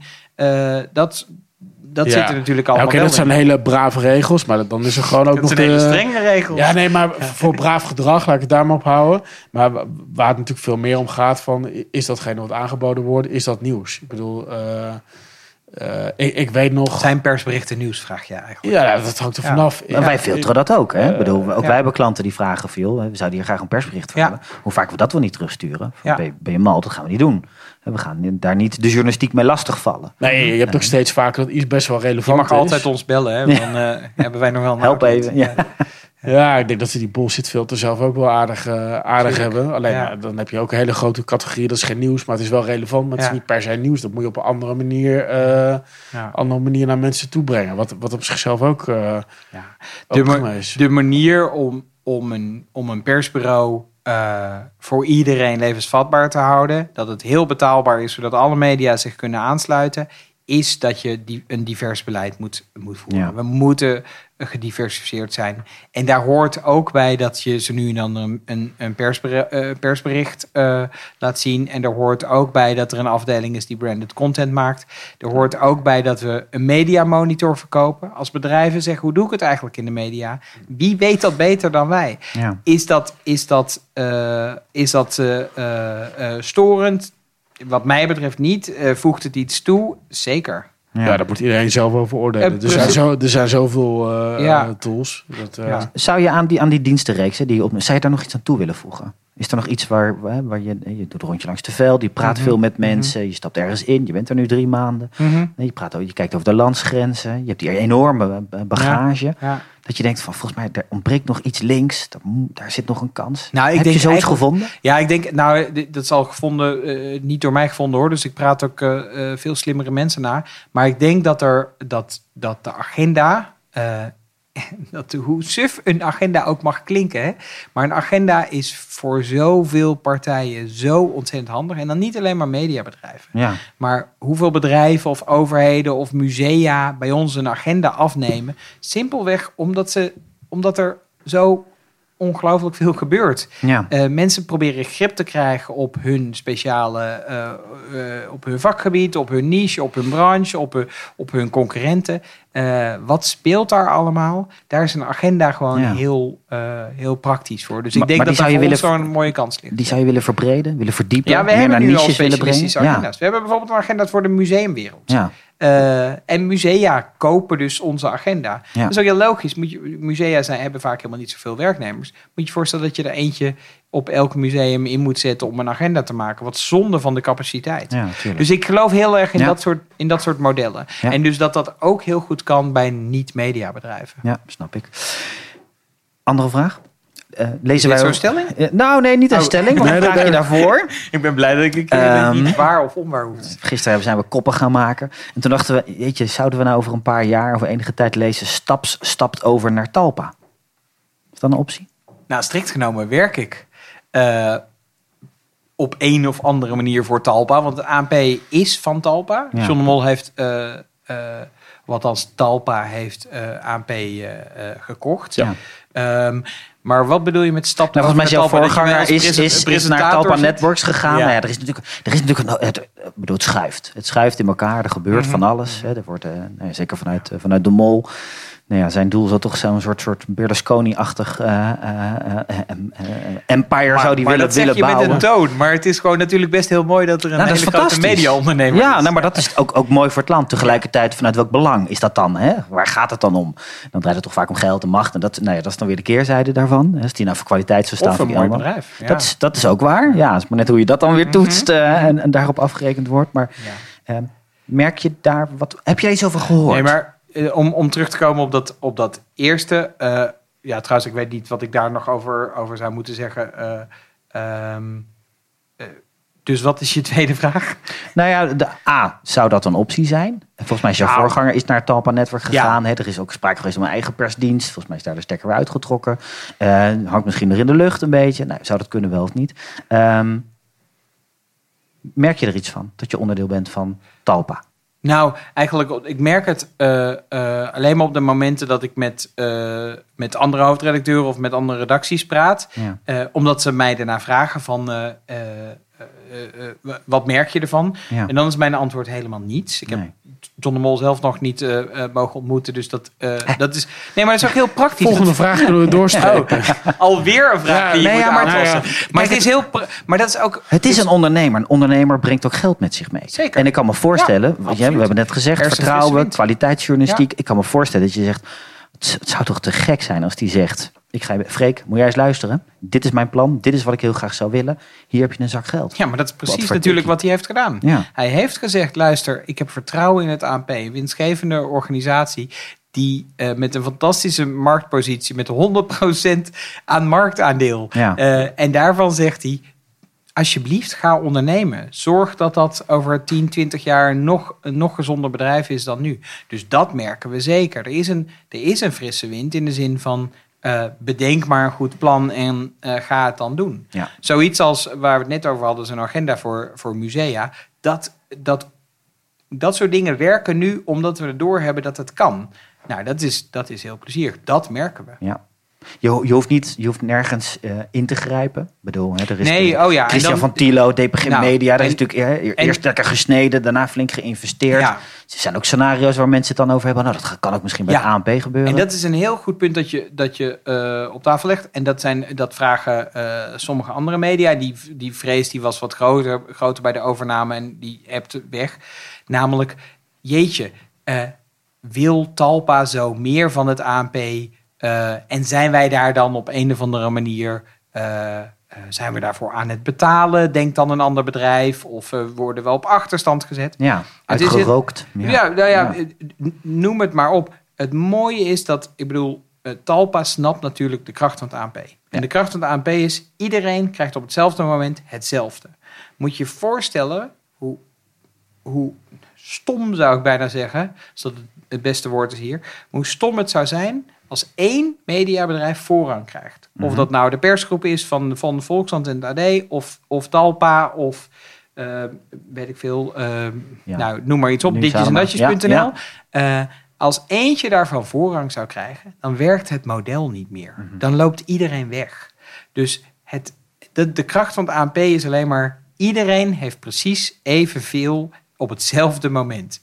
Dus Talpa zal bij ons nooit voorrang kunnen krijgen. Wat wij heerlijk zouden vinden, is Talpa... is als Talpa, het bedrijf... waar onder andere bijvoorbeeld Hart van Nederland... of Shownieuws onder valt... of Ja. misschien een nieuw nieuwsmerk... als die zoveel mogelijk van onze, van onze producten willen afnemen. Ja. Fantastisch. Ja, dat betekent voor jullie ook groei, Dat betekent ontwikkeling, gewoon meer inkomsten. innovatie. Ja. Trouwens, zo, zo zou ik het ook leuk vinden als de Volkskrant eh, eh, nieuwe initiatieven zou ontplooien. Of eh, als de Wereldrijd Door eh, een, eh, een krant zou beginnen. Ja. Eh, hartstikke fijn. Dus Maar, maar waar ziet John de Mol dan, dan eh, behalve dat hij gewoon een winstgevende, goed draaiende eh, club koopt, mhm. waarvan, waarvan duidelijk is dat hij gewoon moet, moet bestaan vanwege de agendafunctie en al die andere dingen waar we het over gehad Ja, hebben. het maatschappelijke belang. Kijk, hij is toch een ondernemer die, ge- die, die altijd ergens groei en kansen ziet. Ja. Er, er, er- wat is nou nog die extra plus? Want je zegt net, eh, ik zat toch te denken aan het ecosysteem wat hij aan het bouwen is. Mhm. Eh, je geeft net aan, dat is lastig, want je wil geen ongelijk... eh,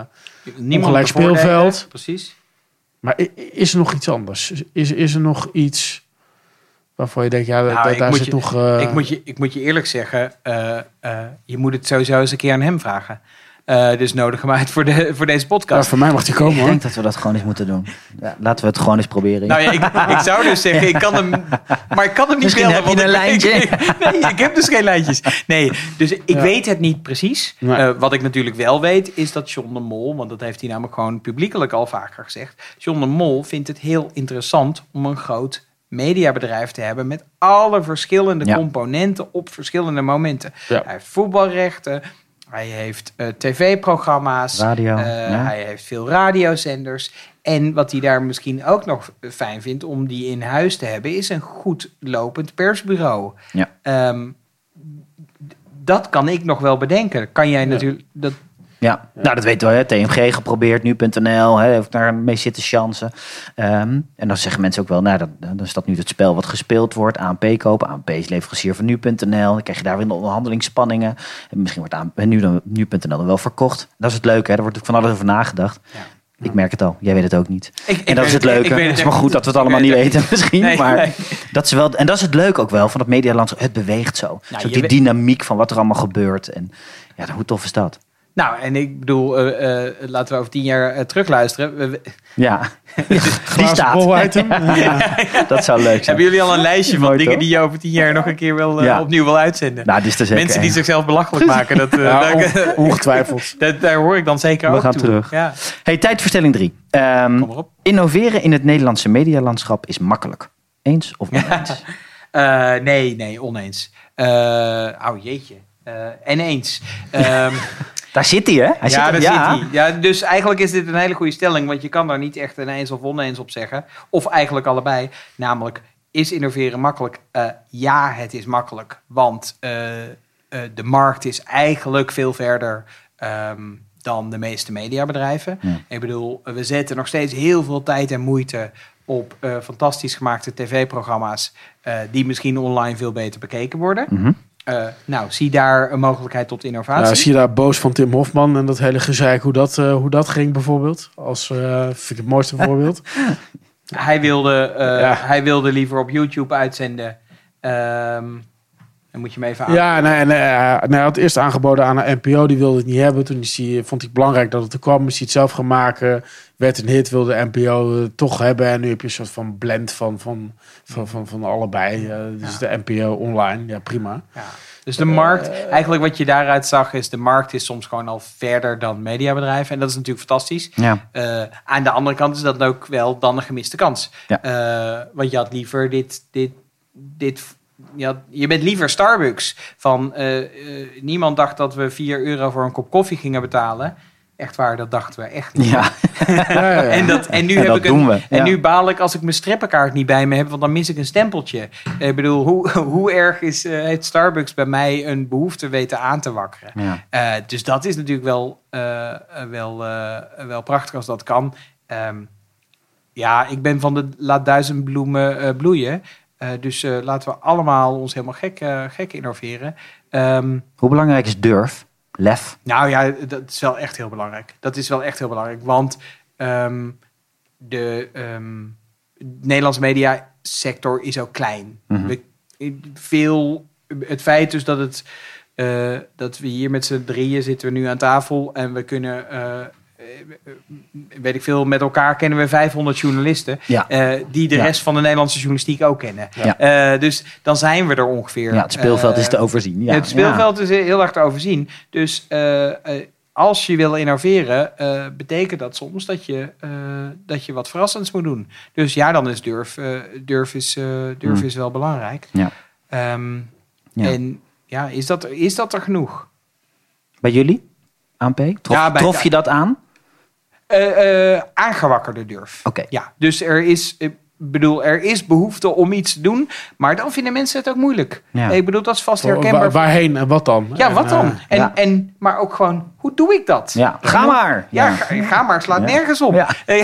Ja. Ga, gaan we even lekker innoveren met elkaar. Ik bedoel, dan kom je weer op al die Scrum Masters. Die begeleiden innovatie de hele dag. Maar waarvan? Ja. Ja, je Eh, moet eerst een idee hebben. Moet- Als je niet weet eh, wat er geïnnoveerd moet wo- worden, waarom en, eh, en hoe. En, en, ja, Ja, of- schiet het niet op. Ja, of sterker nog, eh, je hoeft niet eens een uitgewerkt idee te hebben. Maar je moet tenminste weten eh, waar er een klantvraag naar is. Ja. Ja. Ehm, Dat is in de media soms niet, niet altijd duidelijk. Dat zal ongetwijfeld voor, voor heel veel sectoren gelden. Wat, wat vind jij het meest innoverende mediabedrijf ter wereld?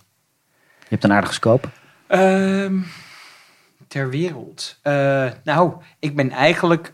Eh, Ik bedoel, ehm, het is makkelijk om nu bijvoorbeeld te zeggen de New York Times. Ja. Want ze doen hele fantastische mooie projecten. En ze durven ook veel. eh, dus dat, dat is eigenlijk goed. We hebben ook geld. Maar ze hebben ook geld. Eh, en ze zijn toevallig een van de winnaars. Mhm. Want er zijn voor elke, elke New York Times... elke keer dat wij New York Times zeggen... is er wel ergens een lokale krant gestorven. Hè? Ja, in Amerika. Ja. En ook, in, eh, ook in andere landen is dat het geval.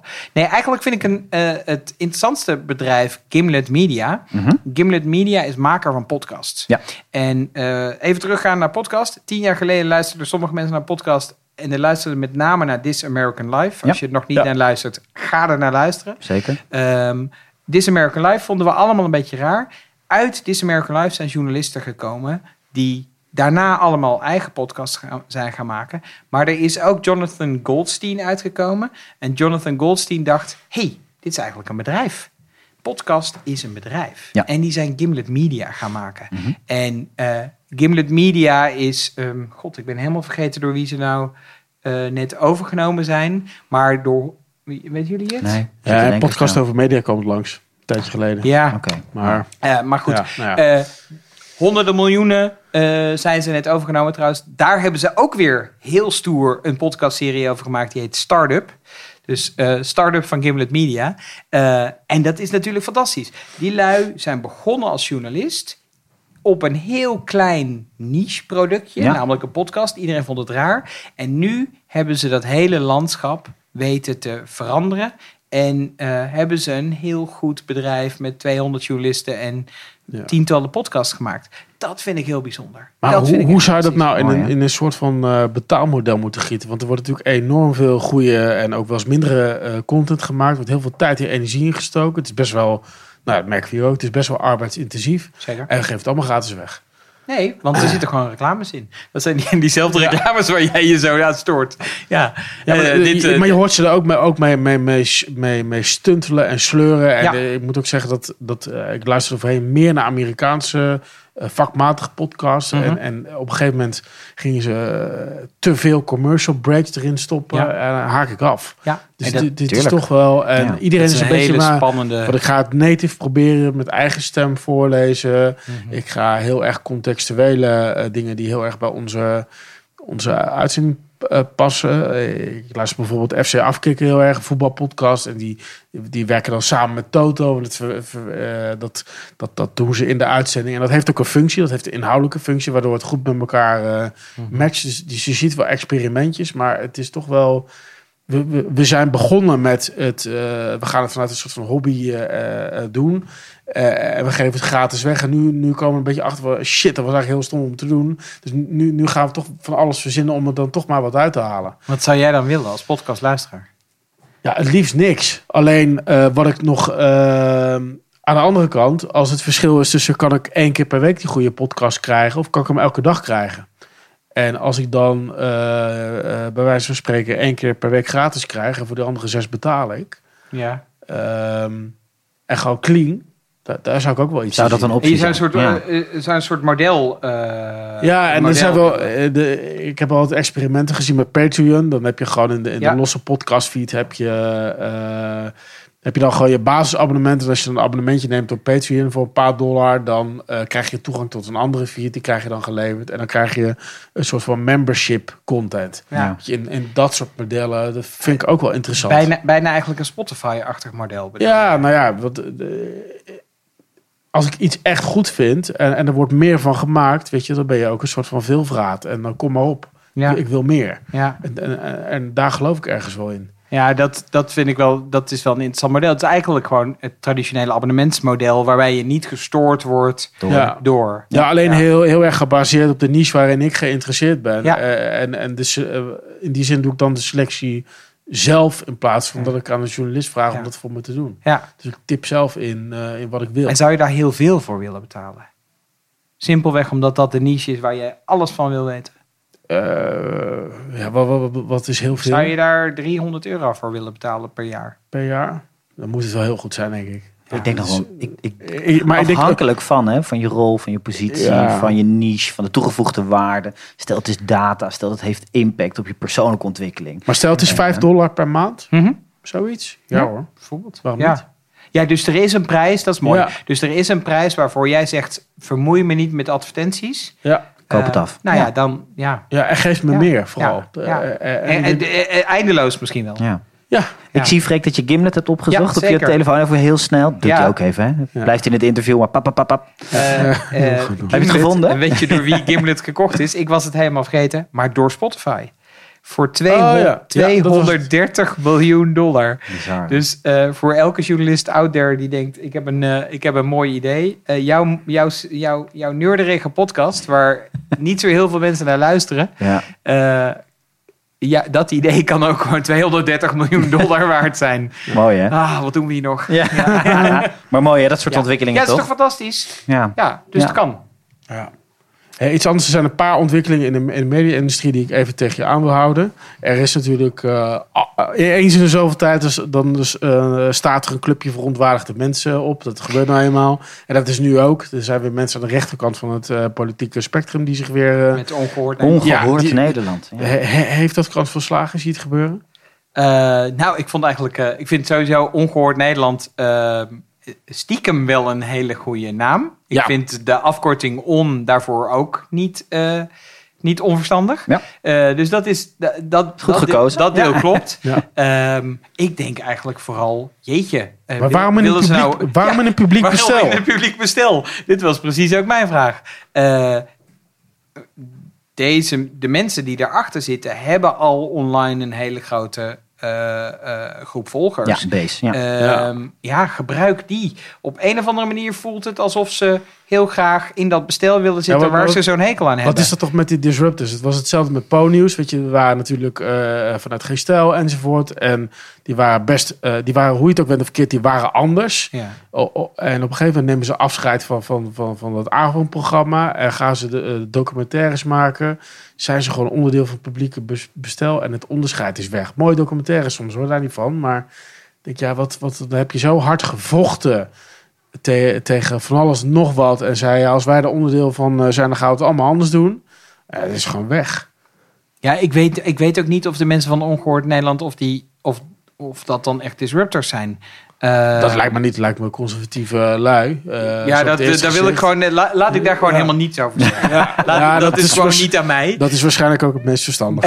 Ja, maar in ieder geval, eh, ehm, in ieder geval zou ik, zou, zou ik denken, ze zullen vast ook een online eh, eh, poot uitbouwen. Nou, ik ben heel benieuwd of een van die heren gezegd heeft Of dat de dames. publieke, eh, publieke omroep moet verdwijnen. Dat zou ik nog wel een, Google searchje waard vinden. Zou zomaar kunnen. Gaan we doen. Gaat er nog veel gebeuren, het medialandschap? Oh, ja, ik denk dat het alleen maar sneller gaat. Eh, ja, ik, ik denk niet dat. We, we zitten natuurlijk met twee, met, eh, met, met twee dingen die heel spannend tegenover elkaar staan. Namelijk dat, er, eh, eh, dat we producten hebben die het heel lang heel goed hebben gedaan. Eh, en waar het ook niet slecht mee gaat. hè? Mhm. Laten, we ook, laten we dat ook echt benoemen. Het gaat helemaal niet slecht. Misschien zelfs wel goed met, met, eh, met kranten en andere mediabedrijven. En aan de andere kant zie je een technologische verandering. Eh, dus dan heb je het over kanalen en over dragers. Dan, dus daar zit wel een, iets spannends. Die gaan, elkaar, eh, die gaan elkaar tot iets nieuws eh, eh, brengen. Ja, en ku- kunstmatige intelligentie is best ver. Ik heb wat proefjes gezien links en rechts. Ja, dat, is veel. robotjournalistiek. Ja, Ja. Hoe, hoe, hoe, zijn jullie daar experimenten mee aan het doen? Wij, wij zijn het aan het experimenteren met, met robotjournalistiek. Ja. Ehm, eh, dat werkt voor sommig nieuws werkt dat. Bijvoorbeeld, je, je zou je kunnen voorstellen, dat doen sommige persbureaus internationaal. Eh, bijvoorbeeld eh, jaarcijfers, kwartaalcijfers. eh, waarbij Statistiek rijke Ja, Sport, sporthoek of zo. Weet je, Ja, daar kan dan je- eerder landen. Dus, dus dat, dat kan je je voorstellen. Eh, kunstmatige, kunstmatige intelligentie. Ehm, da- dan ben ik heel eventjes eh, de, de, eh, eh, niet de, de hemelbestormer. Ehm, ik, ik, ik weet het simpelweg nog niet. Ehm, ik vind namelijk wel dat kwaliteitsjournalistiek, daar gedijt beter bij een menselijke toets. Mhm. Heel Maar kan, de mens zijn- niet veel, eh, zouden mensen misschien niet nog veel effectiever en sneller kunnen werken als eh, die qua input nog extra voorzien wordt voor, door kunstmatige intelligentie, die modellen voor hem maakt, die gewoon dingen. eh, ik kan me voorstellen dat goede kunstmatige intelligentie dingen bijvoorbeeld veel sneller kan uitzoeken. Dat- dat, dat, er, dat er in de, in de workflow, in de processen, dat er dingen zitten waardoor een journalist veel beter toekomt aan eh, het doen van zijn taak. Alleen wat daar denk ik voor nodig is, is dat eh, een, een journalist die misschien een beetje bang is voor data, een beetje bang is voor technologie, dat hij die technologie niet als de grote bedreiging voor zijn baan ziet, maar juist als de mogelijkheid om zijn baan interessanter en rijker eh Ja, wat zo te grappig is, als je kijkt naar hoe bij een, bij een klassiek mediabedrijf als een persbureau, hoe daar technologie enorm omarmd is. Eh, namelijk, eh, wa- wat ik je net vertelde, eh, eh, 20, 30 jaar geleden hadden we in Deventer en in Enschede en in Hengelo allemaal onze bronnen zitten. Dat hoeft nou niet meer, omdat we dat met technologie kunnen ondervangen. Ja. Eh, dat, dat, dat vind ik natuurlijk wel eh, interessante stappen. Ja. Ook geldt daarbij wel, dus dat je de menselijke afweging moet kunnen maken. Want soms is er iets op een ander moment van de dag ook nieuws. Hè? Een, eh, een file tussen Utrecht en Amsterdam is geen nieuws op, dins, op een regenachtige dinsdag. eh, eh, om, om, Acht uur, ja. s ochtends, precies. Maar als die 48 uur zou duren eh, op zondagnacht, dan zeggen we tegen elkaar, daar is iets raars aan de hand. Ja. Dus ehm, de, de, menselijke, de menselijke inschatting en de menselijke toets is echt wel, eh, is echt wel nodig voor een kwaliteitsafweging. Blijft belangrijk. Ja, mooi. Hey, wat hoop je voor het ANP komende jaren? Ehm, trots en waardering. Eh, Ik wie? hoop dat we daaraan nou, hebben dat is, dat, nou, dat, nou, dan ben ik dat, fijn dat je dat zegt. vraag. Ja. Eh, ehm, trots eh, eh, eh, binnenshuis en buitenshuis. Mhm. Ik vind het fijn dat ik mensen met opgeheven, eh, opgeheven hoofd eh, op de redactie zie aankomen. Of ze nou om zes uur 's ochtends beginnen, om eh 12 uur 's middags of s s'avonds om 11 uur zich klaarmaken voor een nachtdienst. Dat mensen binnenkomen en zeggen: Wij gaan nu helpen met het nieuws te verslaan. Dat is bijzonder. En daar mag, daar mag absoluut trots voor zijn. Ehm, trots ook in de mediasector. Namelijk, jeetje, dit hebben we wel met elkaar, zeg. Dit is best goed georganiseerd. Eh, en, die, en daar hoort waardering bij. Dat zou ik, eh, dat, dat, dat eh, gun ik het ANP en heeft het ANP ook echt, echt verdiend. En, en daarmee de mediasector. ja, Want Ja. we zijn toch een beetje van allemaal. mooi. Mooi geformuleerd ook. Laatste vraag. Ehm, als mensen met jou willen connecten, waar kunnen ze dan het beste terecht? En volgens mij niet meer op Twitter. Daar ben je meer zo nou, ik, actief ik, ben een, ik ben een volger op Twitter geworden. Ehm, de- ze mogen me altijd mailen en daar kom je vrij makkelijk achter. Maar ik merk eigenlijk ook dat LinkedIn een, een, een steeds plezieriger... eh, ik bedoel, het is, een, eh, het is ook weer social media. Maar het- ik vind het toch een steeds een plezieriger kanaal aan het worden voor, voor zakelijke contacten. Eh, ik vind het, het is altijd moeilijk om in de jaarlijkse prijzenregen... eh, ik weet niet hoe jullie je timelines eruit zien, maar een paar keer per jaar heeft iedereen blijkbaar een prijs gewonnen. Ja, Eh, Eh, laatst hadden we de FD Gezellen weer, gisteren de Grand Prix Content ah, Markt. gaat eh. Gefeliciteerd allemaal. alle sponsors. Nee, ik bedoel, eh, ik ben zelf eh, wie, de, wie zonder zonde is, eh, werpen de eerste steen. Dus ik doe er zelf ook vrolijk aan mee. Ja. Maar ik merk dat de, dat de chatfunctie op LinkedIn heel fijn is. Dat je, dat je makkelijk kan, eh, kan connecten. Dat het echt... eh, mijn zoontje vond s'avonds laat van de week een keer een OV-jaarkaart van iemand op straat, ver weg van het station. Binnen eh 10 minuten had ik iemand gevonden op LinkedIn. Ja. Eh, de, dezelfde avond nog eh, had die mevrouw haar, haar OV terug. Toen dacht ik, ah, dit netwerk wordt toch wel echt heel makkelijk. Ja. Dus ehm, ik, vinden jullie dat ook? Of vinden Mooie jullie- plek. Ik weet dat jullie soms kritisch zijn op, eh, op social. Nee, maar ik, ik vind, wij werken zelf voor LinkedIn, dus dat maakt ons sowieso zwaar bevlekt. Maar nee, we vinden het zelf ook wel, omdat het een, eh, eh, het is ook een ander soort netwerk. Het, eh, de meeste andere netwerken hebben als functie om, eh, hebben een entertainmentfunctie om tijd te Ja. besteden. En LinkedIn is meer een netwerk waar je tijd investeert. Uh, uiteindelijk doe je dat met een zakelijk doel, no- nooit helemaal direct, weet je, dat is altijd indirect. ja, je bewaakt ook iets. Ja. Ehm, eh, je, je bent natuurlijk ook zelf een beetje, een beetje in control over wie je laat je wel binnen en wie niet. Eh, Ja. En dat vormt natuurlijk ook hoe je, hoe je timeline er, eh, eruit ziet. Ja. Ehm, ja, ik, ik vind het, eh, het is... Ik denk voorheen, voor ons was, was ons blog in combinatie met Twitter was echt de winnende formule. Ja, dat is, dat is wel veel meer naar LinkedIn gegaan. Ja. Dat, eh, dat, dat Twitter is toch meer een, ehm, ja, een, een meningenplatform. is echt wel veranderd en ook veel minder impactvol in de zin van eh, dat, dat er veel minder mensen op zitten. Het is nog steeds wel een enorme nieuwsversneller. Dus in die zin eh, eh, is dat toch wel handig. Maar als het echt gaat om, om, om voor jezelf profiel op te bouwen, je te tonen aan Ja. de wereld, ver- verbindingen leggen met andere mensen, dan is LinkedIn heel waardevol. Ja, Ja. Wist je hoeveel journalisten er werken bij LinkedIn? ja, de, de, 60. Ja. Heel wat. Ze hebben Ja. gewoon, ook LinkedIn zegt dus... Ja, ook in Nederland hebben ze nu een Ja, editorial team van, eh, van eh, drie mensen inmiddels. Ja, dat is... eh, dus ook LinkedIn zegt, hey, we zijn eigenlijk ook een medium. Of althans, een nieuwsmedium. Zeker, ja. We gaan je, dat hoop ik in ieder geval alle luisteraars, eh Freek Staps, op LinkedIn ehm, eh, vinden en, ehm, en connecten. Eh Freek, namens ons beiden, dankjewel voor je komst. Jullie ook bedankt. Dit was aflevering 24 van Connect. Wil je meer informatie? Bezoek dan cooper.nl slash podcast voor alle show notes, cases en tips. Mocht je een review willen achterlaten, dat waarderen wij natuurlijk zeer, dan kan dat op iTunes. Bedankt voor nu en tot een volgende Connect.